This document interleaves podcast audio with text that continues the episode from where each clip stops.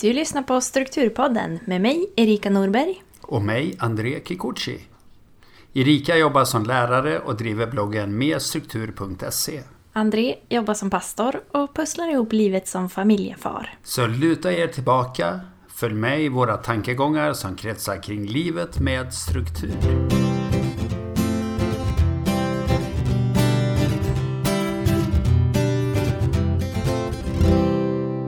I dagens avsnitt så har vi föreläsaren Hasse Karlsson. Han är 53 år, han är morfar. Och en morfar som indoktrinerar barnbarnet med att han skulle vara världens coolaste rockstjärna. Alltså inte barnbarnet utan att Hasse skulle vara det. Eh, han har stort intresse för människor samt hunden Tage. Och det stora intresset i hans liv förutom människor det är ju gitarren. Han beskriver sig själv som en social ensamvarg som har förstått att livet är för stort för att förstå. Enligt obekräftade rykten är han hemligt förälskad i Tina Turner. Stora idolen är Ronny Hellström, eller var. Han avskyr Scorpions eh, Window Change och enligt högst osäkra källor så är han även dödförklarad sedan 4 september 2002. Välkommen Hasse Karlsson. Stämmer det jag sa? ja, vi får nog reda ut det lite. Tack jag tror för att det, jag får gästa er. ja, välkommen. Eh, skulle, hur skulle du beskriva dig själv? Och vad håller du med om och vad håller du inte med om? Ja, alltså då kommer en inifrån beskrivning då. Och jag eh, tycker ju att själen har ingen klocka. Och eh, jag lever så länge jag lär och inte tvärtom. Och jag vet inte vad jag har för diagnos, men jag är väldigt nyfiken.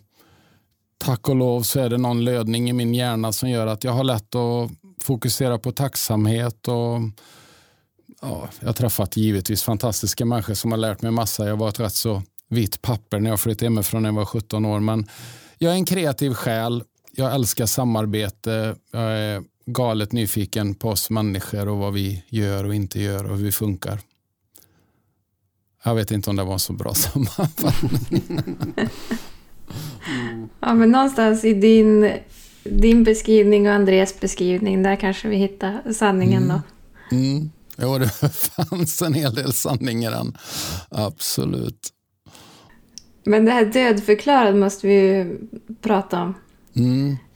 Nej, men det, är, det, det har ju hänt genom åren att folk liksom har skrivit på sociala medier och någon gång har någon kommit fram på en föreläsning, jag trodde du var död.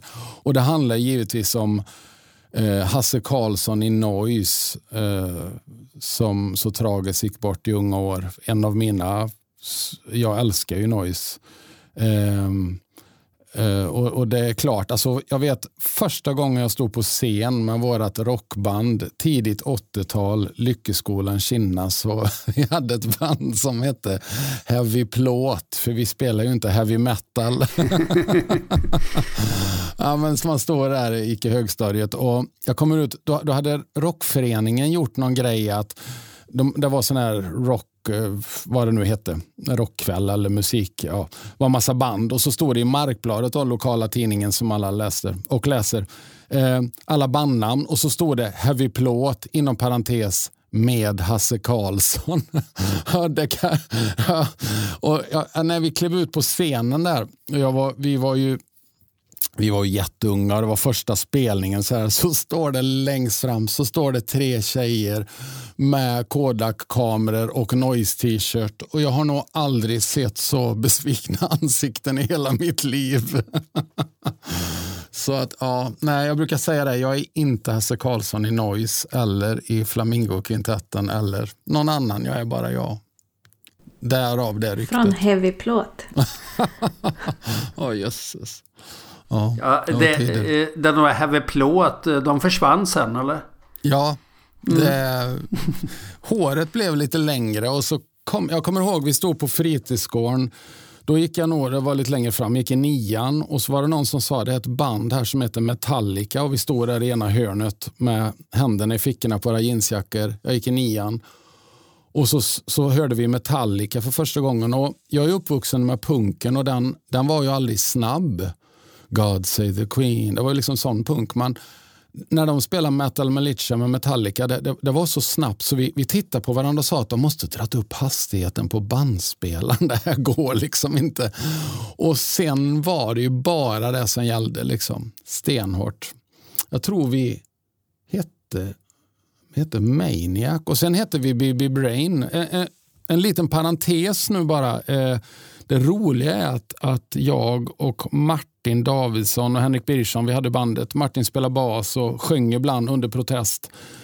Men vi håller faktiskt på nu och spelar in en låt som vi skrev för 36-37 år sedan som han hittade på någon kassett. Så vi spelar in den igen som de gubbar vi är nu då, med den tekniken vi har nu. Jag har ju en studio. Så, så att, nej, så lite lever kvar från den tiden, men det, det är bara för eget högernöjes skull. Nej, så Heavy Plåt, äh, heavy plåt finns inte längre. Jösses. Eh, men eh, du föreläser, är det det som du gör eh, mm. till vardags? Ja, hållit på i 20 år nu. Helt otroligt. Och vad pratar du om då? Det är samarbete, relationer, självledarskap. Det är, jag, jag, brukar säga det, den dagen det är fred på jorden och jag är arbetslös och det kommer vara underbart. Men det största behovet vi människor har, eller det centralaste i vårt liv, det är relationer. Och det är det vi har mest problem med. Och det är, det är lite fascinerande egentligen. Det borde ju vara det vi, vi borde ha svart bälte i det, men det har vi uppenbarligen inte. Mm. Eh, och det, det, jag skrev en bok för, var det nu 11 år sedan, 12 något. Eh, jobbar vi ihop eller bara samtidigt? Och den titeln sätter ju mat på bordet åt mig för det, det är många som tror att jag skrivit den boken just för deras bransch. Liksom. Eh, så. Men den gäller ju alla. Eh, så att, ja, det är det jag sysslar med. Och eh, det är fantastiskt. och Jag brukar skoja lite och säga att när jag gick i högstadiet där och skolan så fick jag själv för att jag pratar mycket och idag får jag betalt för det. Det är ju en positiv utveckling. Men det, det, är ändå fantastiskt. Det är ingen som betalar mig för att de tycker synd om mig. De får ju någonting men jag, det är ändå, jag lär mig hela tiden. Det är, jag träffar yrkesgrupper som jag inte ens visste fanns. Det är, är ett fantastiskt arbete. Sen är det ju kanske mer en livsstil tror jag. Det är lite knäppt egentligen. Har, har föreläsningen förändrats eh, på de här 20 åren eller är det samma grundutmaningar? Tycker du? Eh, deltagarna är ju Homo sapiens och Homo sapiens är sig likt. Eh, sen finns det massor i formatet som har förändrats. Ja, jag tycker det är jätteroligt att när jag började, jag vet första föreläsningen den hette Den mentala kostcirkeln. Den handlar om självledarskap och hur självledarskapet sen leder till min förmåga att sen samarbeta med min omvärld. Men att vad, vad är det själen behöver för näring? Och då hanterar man det här med självledarskap och samarbete, relationer, lite som en dessert. Lite fint vid sidan om, men det behövs inte. Det är fint med mjuka värden.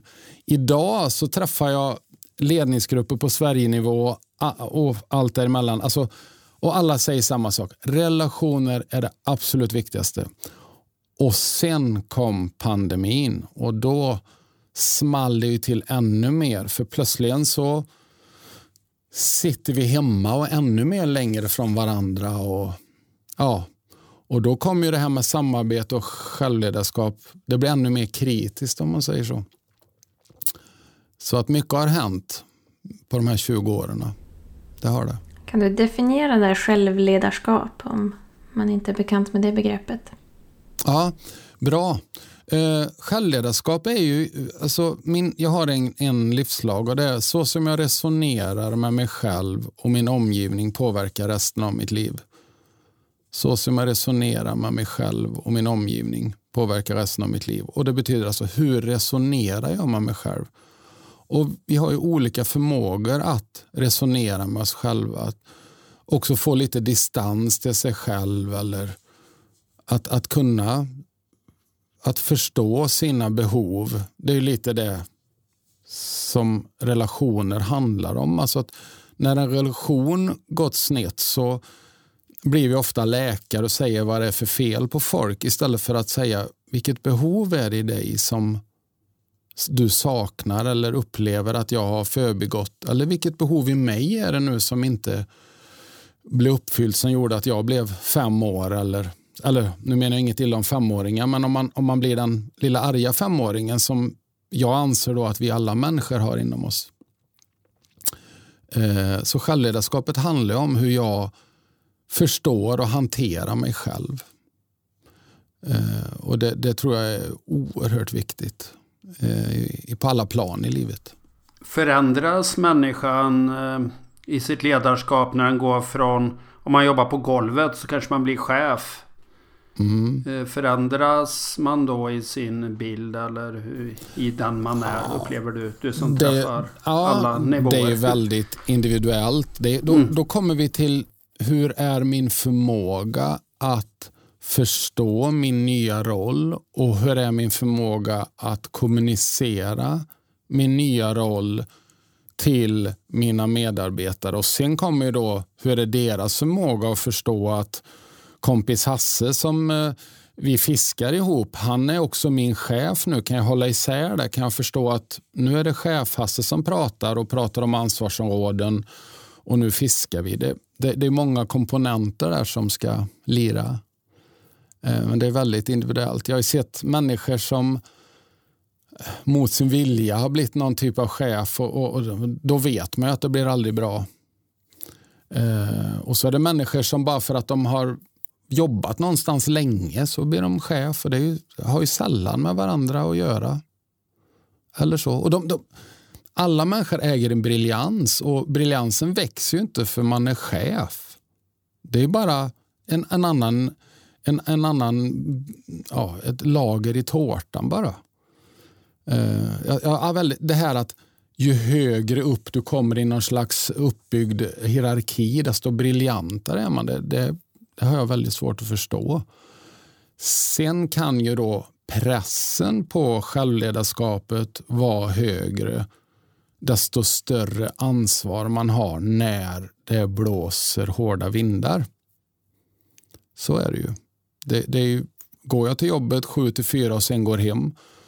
Eh, det är en sak. men det finns ju människor som aldrig går hem från jobbet och har, och har valt då ett ansvar. Och Då ställer det ju krav på att de här grejerna ska funka. Men har arbetsplatsen på de här 20 åren du har varit ute, finns det mer att man jobbar jämt nu än vad det var tidigare? Hur eller tror vi bara att det är så? vad vadå? Jobbar ofta eller? Ja, precis. Ja. Ja, det är väldigt olika. Jag, jag märker ju hur pandemin har verkligen gjort oss en skjuts från att lämna den här eländiga arbetstiden till att nå resultat. Eh, och då är nästa utmaningen att det ska vara rimligt också. eh, men eh, ja, mycket har hänt. Eh, sen är det ju sådär också, vi, Homo sapiens, vi är ju Homo sapiens och ibland, om jag ska vara lite elak, så kan jag tycka att ibland så har vi Homo sapiens en förkärlek för att uppfinna det fyrkantiga hjulet igen. Och det har ju dokumenterat funkat exceptionellt dåligt varje gång innan i hela världshistorien. Eh, så. Jag, jag sätter ett lika stort finger på mig själv nu. Eh, så, för man gör det inte medvetet. Men när vi inte resonerar med andra utan vi bara har en bra idé, då är det ju risk att jag uppfinner det fyrkantiga hjulet. Om, om, liksom inte, om inte du då kommer Erika och säger du Hasse, eh, jag vet några som har testat det. Det gick så här. Det var inte så bra. Ska vi kanske göra så här istället? Aha, då kom ju du med något ovärderligt. Ny kunskap, nya perspektiv. Och Vilket gjorde att jag kunde skrota den här idén. då. Och så kanske du kommer André och säger, jag har faktiskt hört att det är några som har gjort ett hjul som är runt. Ska vi kika på det? Ja, det låter intressant. kan det funka? Men det gäller att det finns de där eh, öppna kommunikationsvägarna och ja. tillåtande relationer för att få fram de där idéerna och ta till sig dem. Ja, ja. och jag, jag tänker så här lite att allt handlar om flöden.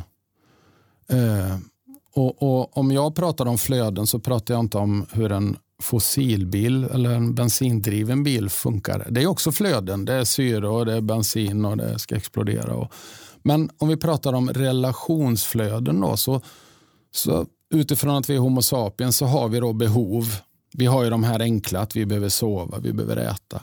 Och vi behöver varandra. Vi är inga solosatelliter.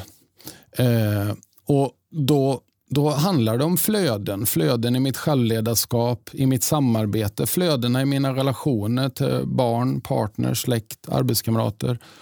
Eh, och där kommer ju, tycker jag, då, om jag får låna era ord här då, att, att titta på hur, där är struktur ett väldigt viktigt verktyg i de flödena. Och jag behöver ju struktur för att med min partner då kunna ha ett, en bra relation. Eller när en, föron, när, en, när en relation förändras. Då är det också, handlar det också om att förstå behoven och hitta en struktur i... Jag menar när jag och barnens mamma skilde oss, det, det finns inga lyckliga skilsmässor, det är fruktansvärt. Eh, men vi, vi, vi blev olika människor, hon såg det innan mig. Och vi hade aldrig något världskrig, för vi är inga krigare. Och hon är ju barnens mamma. Barnens mamma är en helig människa och jag lever ju, vi lever i barnperspektivet och utifrån barnens perspektiv så är mamman viktig. Alltså är hon viktig för mig. Eh, men då gäller det att hitta en struktur på det flödet och de människorna vi är nu. Eh, och det är svårt. Men då kommer det där fantastiska med att vi har varandra. Eh, man kan få struktur. Allt från jag kommer ihåg en kompis som sa så här, eh, vi satt och fikos, han hade berättat att vi skulle skilja oss. Om vi tar det som exempel nu då. Och då sa han så här att eh, vi, vi växlade på fredagar, det var så bra för då gick barnen till skolan, det var fredag och sen fick man fredagkväll och fredagsmys och så hela helgen tillsammans innan skolan börjar. Man använder inte en dag till att packa och åka till någon annan. Det handlar inte om rätt och fel detta, utan jag tar bara ett exempel på en, en struktur som passar oss då. Det hade jag ju aldrig kommit på själv. Liksom. Eh, och då gav det ett flöde som var bra i vår relation tillsammans med barnen. Nu tog jag ett vardagligt exempel, men desto större kris det är, desto mer, större behov av struktur har vi, eh, tror jag. Du låter ju ganska positiv till struktur. Många situationer där jag möter någon som är så här kreativ, eh, skapar människa, att då, då är struktur kanske ibland till och med fienden. Mm. Och ibland är det eh, grunden ja. till allt. Men hur, hur, skulle du säga att din relation till struktur är? Nej, alltså... Åh, om jag, jag uttalar mig nog väldigt... Om jag får vara lite oförsiktig nu då kanske. Jag vet inte. Jag är, ja, kör på. Ändå, jag är ytterst ansvarig för allt jag säger givetvis. Men, nej, men struktur är ju ett måste. Eh, så fort du ska göra någonting med en annan människa så, så ett i allting är respekt. Antingen vi ska spela fotboll, ha en podd, ha en familj, eh, starta ett rockband. Eh, behöver inte hålla med varandra, men vi respekterar varandra. Och Har du då inte struktur så blir det inte bra. För att vi kom, Det är ett flöde av energi. Som musiker, då, jag, jag utbildade mig till ljudtekniker på 80-talet. där. Eh, du måste ha superstruktur. Det, det är ingen, inget band som kommer till studion, de är supernervösa. Alltså nu är jag på 80-talet när det fanns såna här stora studios. Det var liksom enda chansen att spela in. Och då, då, då, då satsar de pengar en helg då. Och då kan inte jag komma dit bakfull och bara, jag inga mickar eller kablarna är trasiga eller strukturen är ju ett, ett grundfundament i det kreativa flödet. Det jag tror många blandar ihop det är att, man, att en del kväver kreativiteten via att sätta låsa in kreativiteten i en metod. Nu tänker jag högt, men, men det, det är den känslan jag får. för de här, Alla dessa musiker som är så kreativa och fria själar och vad det är. Det är inte fel, men de har aldrig gjort någonting. Och det är inte heller fel. Men när de kommer till mig och är besvikna, skit också, jag har inte gjort något, jag vill spela in en låt och sådär. Nej, men ja, du måste ju skaffa något att spela in på. Har du stämt gitarren? Har du strängarna? Nej, struktur. Men jag känner bra du tog upp det, för det är intressant hur egentligen bland det viktigaste för mig eh, och speciellt när man jobbar digitalt, jösses, alltså då är strukturen ännu viktigare. Alltså mappstrukturer, hur jag döper filer och det är exakt likadant jämt. Jag avskyr ordning för att då stjäls det energi i mitt flöde. Jag gillar att allt står på samma ställe i mitt skafferi, för jag vill inte leta efter saker för att min hjärna håller på med någon låt eller en föreläsning. Ska jag lägga energi på att leta efter en ingrediens då? Det, det är bara dumt. Tycker jag. för att inte rätt och fel, utan jag måste ju möta mig där jag är. så. Men ja, det var långt svar på en kort fråga. Struktur är ett viktigt verktyg i flöden för mig. Absolut. Och det kanske har förändrats eh, när, man, när man är ungdom och särskilt som musiker. Jag har inga fördomar om musiker men man vet ju hur en del är i alla fall. Att ja, ja. Det ska vara det där allt på en gång och sådär. Mm. Och för att man ska kunna komma någon vart som du säger så behövs ju strukturen och du som har musiken och du driver företag och mm. du är ute mycket. Då blir ju strukturen en grund. Och när jag frågade dig om medverkande här så sa du ju att jag vill ha det på ett mail så jag kan lägga in det. Alltså ja. det finns en ja. logisk grund för att det ska fungera. Så. Ja, och där, där är ju det är så viktigt. Ja, där har vi en massa runda hjul att låna av varandra. Hur gör ni i er familj? Um, jag, jag kommer vi tar det som exempel, men jag vet barnens mamma, hon, hon är inte bara vacker och god, hon är väldigt klok. jag har lärt mig mycket där. Men, men vi har skrattat mycket åt det att det fanns så mycket i henne som var självklart i vardagsstruktur. Vi väljer inte kläder på morgonen, det gör man på kvällen så är det klart. Och sen gör man det man ska göra eh, i lugn och ro. Tjoff tjoff, gör det du ska göra, stressa inte. Sen om det blir tid över så kan man leka lite med dockorna eller någonting innan vi åker till dagis eller skolan eller whatever. Men att vi alltid har en struktur. Samma sak på kvällen där att det finns en struktur. För vi tycker om struktur. Men jag tror inte på metoder som, där vi människor ska pressas in. Utan vi måste hitta modeller och de är plastiska, organiska för vi förändras. Eh, vi, ett exempel bara, jag, det bara slår mig nu. Jag kommer ihåg när, min, när vår äldsta dotter, då, hon är snart 24, jag tror hon fyllde 16 och, och så, där, så, så vi firade lite hemma och så där. Och, så stod hon i dörren till vardagsrummet och ah, jag sticker ner till Stomhundsskolan här med några kompisar. Och jag, så här stenålderspappan bara, men min skatt, du, du fyller år. Ja, hur roligt tror du det är att sitta här hela kvällen? och då liksom fick jag resa lite i tidsmaskinen där och titta på mig själv utifrån. Vänta Hasse Karlsson, satt du hemma hela kvällen när du fyllde 16 år? Nej, du var nog inte hemma en minut. Och då fick jag tänka om. Ja, just det min skatt. Alltså, det är klart. Nu, nu tänker jag på ett nytt sätt. Vi har ju firat, ätit tårta. Klart du vill vara med dina kompisar. Vilken tid ses vi? Alltså, det är så viktigt. Jag är inte skarpaste kniven i lådan. Alltså, kalla mig smörkniven. Men det viktiga är ju att jag, att jag låter min struktur vara levande så jag vågar tänka nytt. Annars blir det jättekonstigt. För vi förändras ju. Förhoppningsvis gör vi det. Annars är det otäckt. Tycker jag. Och det tänker jag, det är väl det du också föreläser om. Hur, både hur vi är i grunden som människor men behovet av att förändras. Alltså i mötet med en annan människa så måste jag tillåta mig att förändras. Man kan inte hoppas att den andra förändras enbart. Mm. Det... Och det, det, du säger nu är jätteintressant tycker jag. Då, för att, vad, vad, är det, vad är förändring? En del tror ju att förändring är att mina behov ska åsidosättas.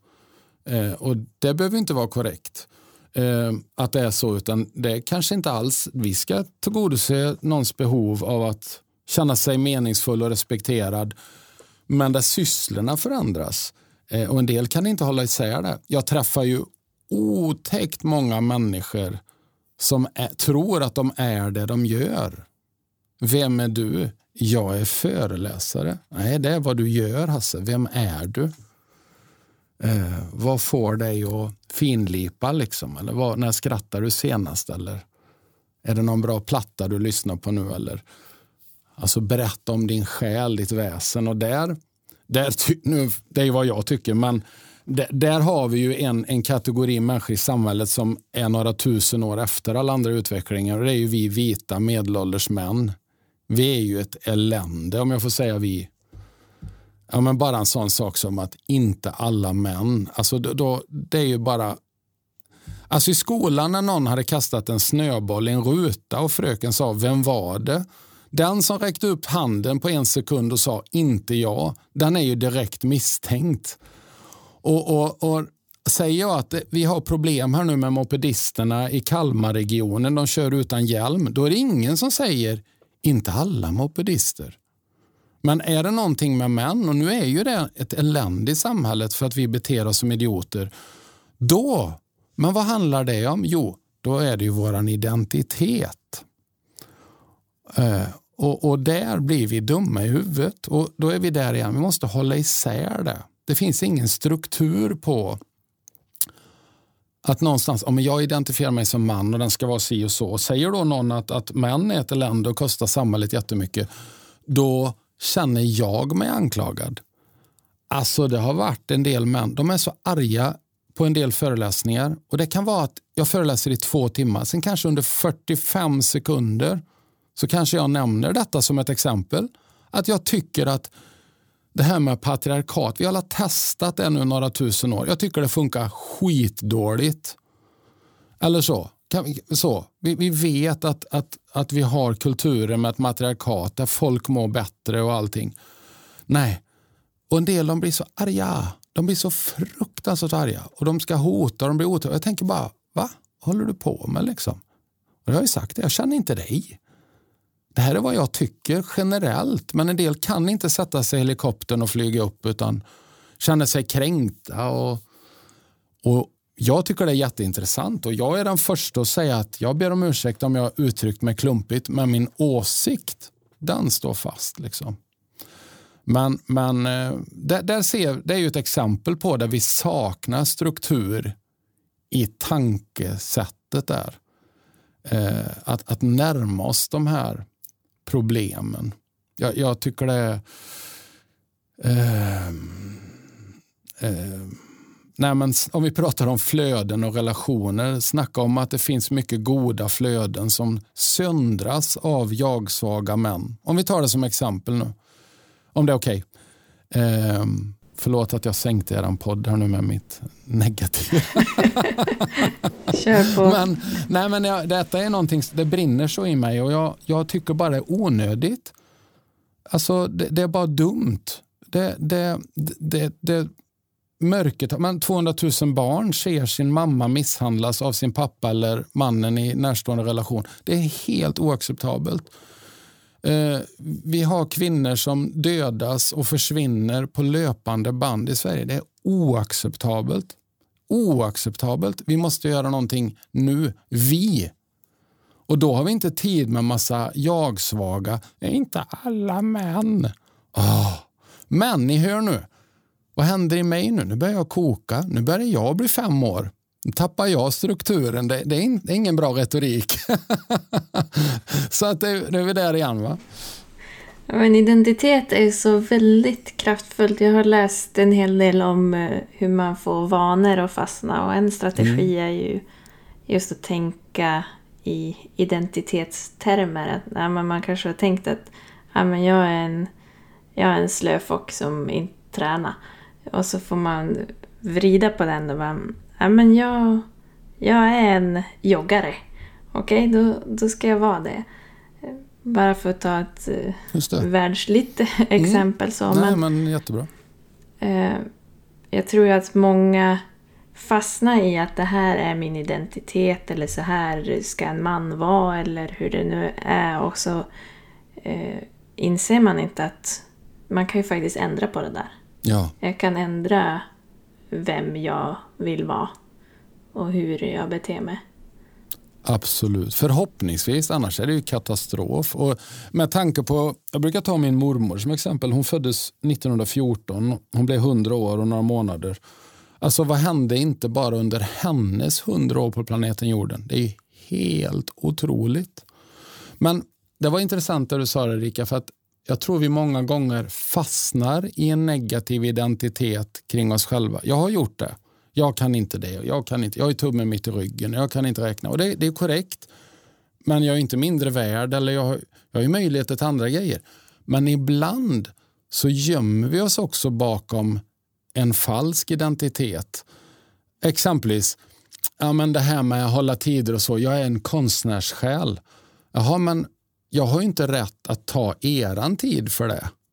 Eller så. Eller alla dessa, nu ska jag hacka på dem igen, eh, de här knölarna till män som, som är ett geni men han är ju en lite trasig själ och så sårar han och, och misshandlar eh, exempelvis då kvinnor. Det har vi ju sett massvis i kulturvärlden.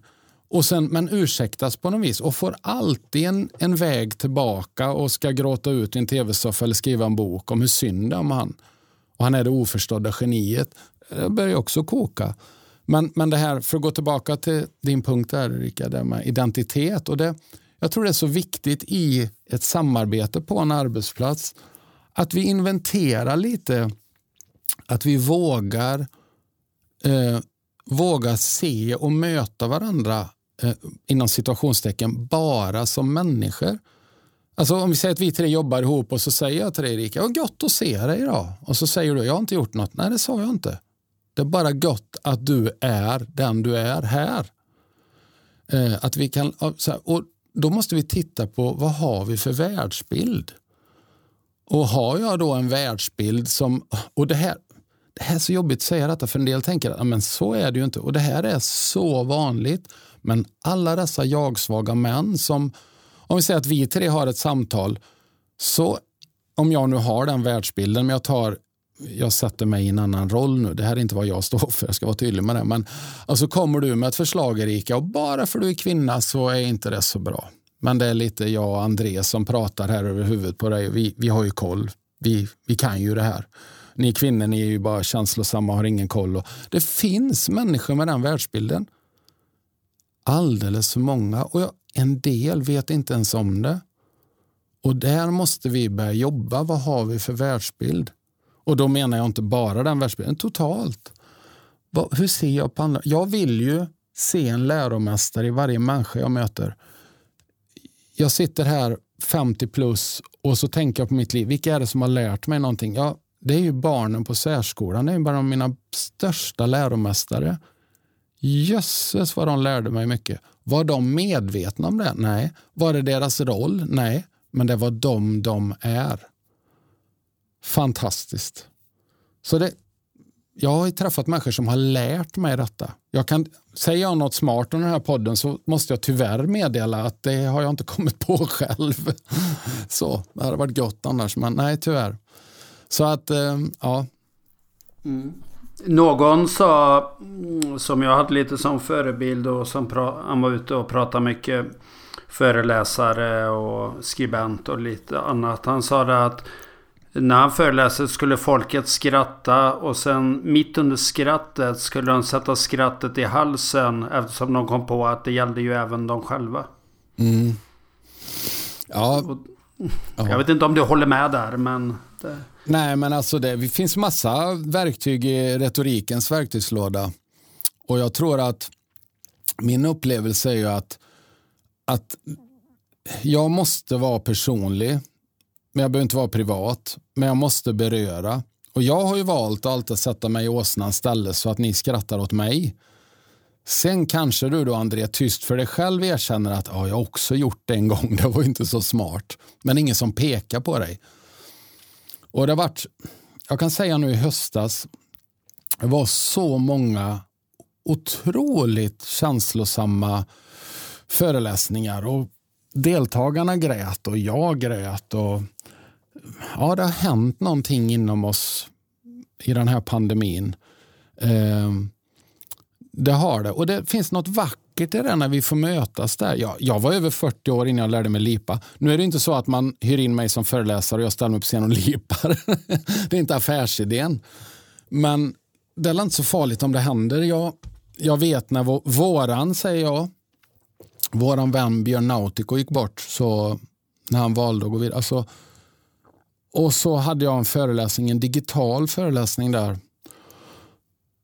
Och Jag kommer inte ihåg slutet där riktigt, men jag, jag, jag skräddarsyr varje föreläsning utifrån varje kunds behov och situation. Så att det är mer att jag har, jag kallar det lägereldar då, punkter, ingredienser jag tar med mig och bygger. Eh, och så på något, ja, så vi pratade om någonting, det var, var fint. Och så, så avslutar jag med att jag vill koppla ihop det med vad jag sagt. Att jag vill, jag vill tillägna det här till våran Björn.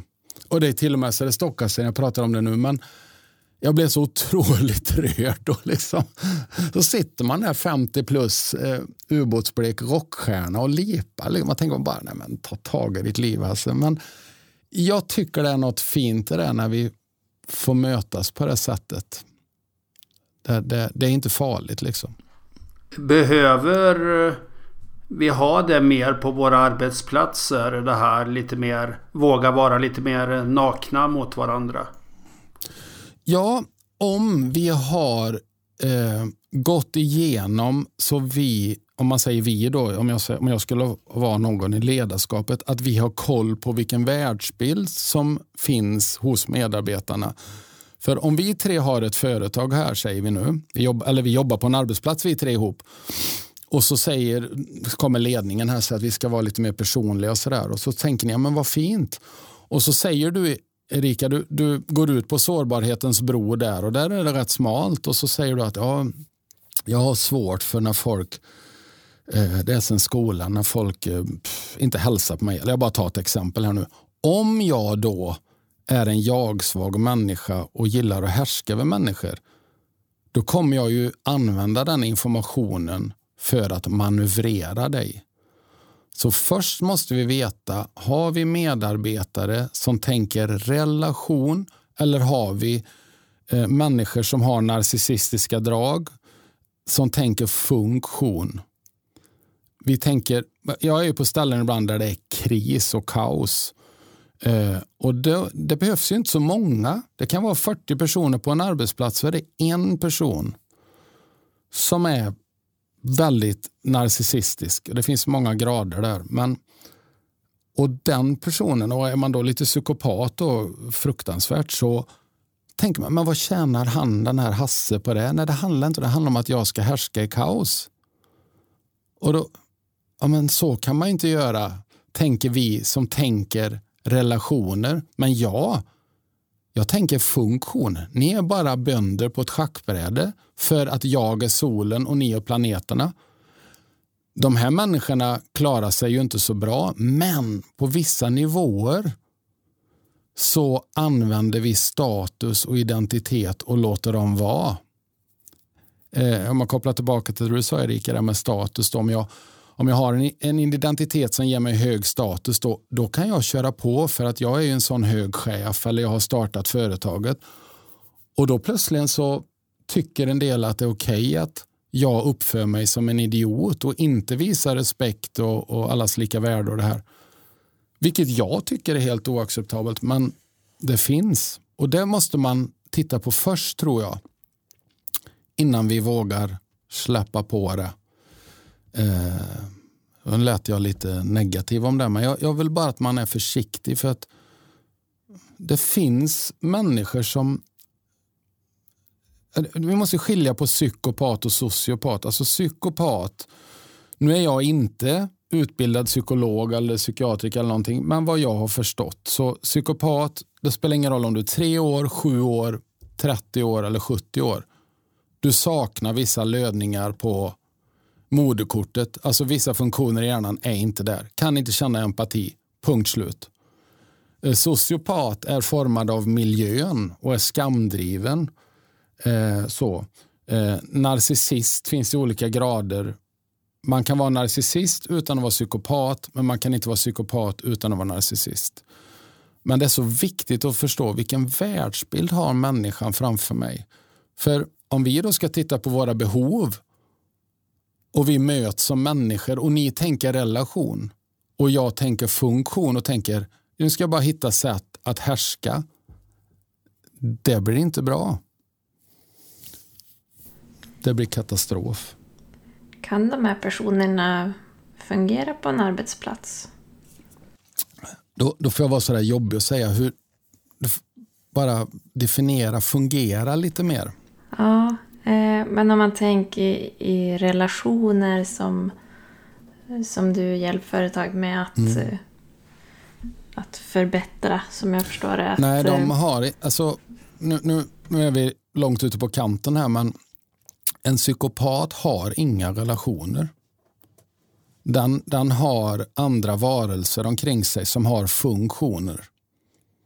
Jag har bara en funktion. Jag har inget, jag, jag har inget intresse av att André kommer till jobbet och säger att vi hade så kul i helgen, det hände en grej. Alltså det är helt ointressant för mig. Men känner jag att ja, men jag låtsas att jag är hans kompis och så kan jag låna pengar av honom i eftermiddag och så kan han ta min tre tråkiga möten åt mig imorgon. Då plötsligt har han en funktion och då står jag och lyssnar på det och låtsas att... Och då tänker vi, nej men så gör väl ingen? Eh, jo. Jag tycker vi fick en rätt så bra global utbildning under Trumps tid vid makten i USA. Verkligen. Ja, det är bara funktioner han ser. Och då säger man kan ju inte vända kappan efter vinden. Nej, men det, de, de tänker bara funktion. Det inte, finns inga värderingar eller sånt så finns det, nu är jag väldigt svartvit här, det finns grader givetvis, men är man psykopat så är man psykopat. Eh, jag har inte, jag, vad jag har förstått så finns det ingen psykopat light. Liksom.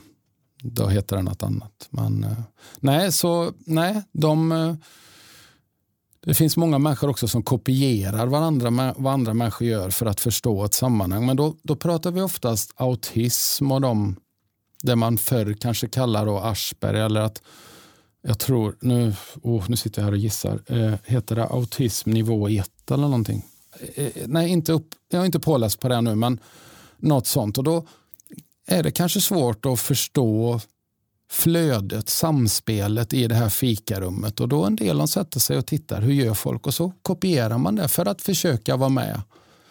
Eh, men då vill man ju en relation. Så. Jag tänker på Eh, om du är inne på ett företag. Eh, har du mötesserier också som typ handledning eller kör du din ja. en gång och sen försvinner? Nej, eh, det är väldigt olika. Eh, men ja, nej, men jag har ju haft företag och organisationer som jag följt under ett års tid. Eh, och nu i den digitala världen, pandemin knuffar ju fram oss en 15 år, vilket gör att exempelvis då att, att jag kan komma och hålla en, en, en, en fysisk föreläsning och sen kan man köra en uppföljningsserie eh, där kunden köper fyra filmer som jag spelar in åt dem. Som är på tio minuter, en kvart styck som de kan titta på när de vill. För det är ju de, vi har ju massa kunder som eller jag har massa kunder som de är utspridda över landet. Liksom. Och en dag om året då träffas de på konferensstället här i Sundsvall eller Malmö eller men sen i övriga tiden så är Norrlanddistriktet och Stockholmsdistriktet och så jobbar de mot Norge och då är det digitala fantastiskt. Så där har det varit ett uppsving nu. Eller så. Det har kommit mer sådana produkter i uppföljning. Då. Mm. Och vad, vad är det din, du säger att du skräddarsyr eller anpassar för mm. kundens mm. behov. Men finns det något sådant generellt behov som gör att ja, men vi väljer Hasse? Eller? Oh, oh, det, det, jag får höra det är ju att, eh, att det, det, var ju ett skällsord för några år sedan att vara inspirationsföreläsare för det var ju bara dumt och alla, alla inspirationsföreläsare ska ju skjutas givetvis och sådär. Men det är kul att höra. Men, eh, och jag kan faktiskt förstå det för att nu är det min åsikt, men det är människor som åker runt och säger saker som jag tycker är uppåt väggarna. Tänk positivt så blir allt bra. Det är det dummaste jag har hört. Då hade vi inte haft några sjukhus. Då hade vi bara tänkt positivt. Men vad lärde barnen mig på särskolan? Jo, en positiv inställning. Då.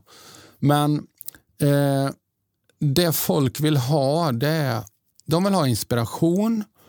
Eh, de vill ha roligt. roligt en stund. Men man vill också ha nya perspektiv och konkreta verktyg. Så jag frågar varje kund att nu står du här två veckor efter min föreläsning, när jag har den här förberedande intervjun då med ledningen, så, så säger jag alltid så här, en, en fråga. Och du står i matvarubutiken i kön. Tre meter framför dig står några medarbetare. De har inte sett dig, men du hör vad de pratar om. Nu pratar de om min insats under er konferensdag. Eh, de pratar om min föreläsning. Vad vill du att de pratar om? Vad vill du att de har tagit med sig? Och för Jag gillar inte att hoppa höjdhopp utan ribba. Liksom. Jag vill veta. Ska jag kvala till OS så då måste jag hoppa över två meter. Då vill jag veta var ribban ligger. Eh, för Det spelar ingen roll om man bakar pizza eller säljer bilar eller säljer föreläsningar eller skor. Man vill matcha, helst överträffa kundens förväntningar. Och Då kommer vi till det som är centralt i mitt liv, att jag måste möta kunden där den är. Var är ni just nu? Alltså jag har träffat kunder som har sagt att ja, vi har fått en ny ägare från USA. Nu spelar det ingen roll, det kan vara från vilket land som helst, men nu tog jag det ur minnet här. Jag kommer ihåg en, en fabrik här, de hade fått en, en eh, det var 100 medarbetare, de har fått amerikansk ägarskap och vdn hade varit där och sagt att eh, it's my way or the highway, det är viktigt med acceptans. Och det var ju många som var helt förtvivlade och jag sa att det där var inte acceptans, det där var ett ultimatum. Liksom. Ultimatum kommer utifrån, acceptans kommer inifrån. Eh, men, men tillbaka till din fråga där så är det ju vi vill ha energi. Och då gäller det, om jag får koppla ordet här då, men då gäller det att föreläsningen har en struktur, en emotionell struktur där det börjar lätt och vi har roligt, vi kan känna igen oss i saker. Jag sätter mig i åsnans ställe och sen måste vi också toucha allvaret. Om jag ska vara trovärdig så vill jag visa att jag har lite skit innanför naglarna. Jag har inte läst din bok, jag pratar om mitt liv när det gör ont på riktigt. och då då finns också en trovärdighet i det. Men då får jag inte jag som föreläsare lämna min, mina deltagare där. Eller man är på någon jobbig punkt i livet och säger ja, tack för idag. Det, det, är inte så bra. Utan vi ska ta dem därifrån. Sen anser inte jag att målet är att alla står upp och är extas. Det, det är inte mitt sätt att jobba. Men att vi skiljs åt i en värme. För det är, det är många som, chefer som kommit fram genom åren men också nu under pandemin. Som sagt, där tårarna har sprutat och vi kramat om varandra. Eh, ja, det var innan pandemin, men alltså där, där man har stått där verkligen och, och, verkligen varit berörda. Men, men att det sker ett avslut i värme, det tycker jag är viktigt. Och skrattet är, för mig är det parallella vatten, glädjen och sorgen. Det är inga motsättningar. Och då slappnar faktiskt av folk. Folk slappnar av lite när de när de vet att eh, man kan skratta lite och sen en minut senare så är det en liten tår i ögat. Och, men det inte pressas liksom inte fram. Det får det inte ske. Eh, tänk, tänker jag. Då. Sen, sen, är det ju, alltså, det handlar om vad man pratar om för ämne. Eller så. Jag pratar om relationer. Alla har ju en relation till relationer. Eller så. Skulle jag föreläsa om en helt ny typ av stuprännor med eh, zinklegering då är det svårt att vara inspirerande. Liksom. Och det är nog inte syftet och förväntan heller. Nej, då, så. Sen kör ju inte jag med powerpoint. Jag har en, en padda jag ritar på, då, både när det är digitalt och fysiskt. För det blir lite liv. Vårt samtal med Hasse blev ganska långt så vi har valt att dela upp det här avsnittet i två delar. Eh, så vi kommer att bryta här. Men eh, du kan ju komma ihåg det som Hasse sa om att struktur faktiskt ett grundfundament i det kreativa flödet. Så att eh, det behöver inte vara något, någon metod som man låser fast sig vid utan strukturen är till för att eh, hjälpa dig. Så stort tack för att du har lyssnat och jag hoppas du kommer tillbaka till fortsättningen där vi ska prata mer om eh, självledarskap och hur företag eller organisationer eller andra personer som eh, jobbar tillsammans kan fungera bättre tillsammans. Så stort tack för att du har lyssnat och tack till Samuel Lundbäck som redigerar det här avsnittet. Hej då!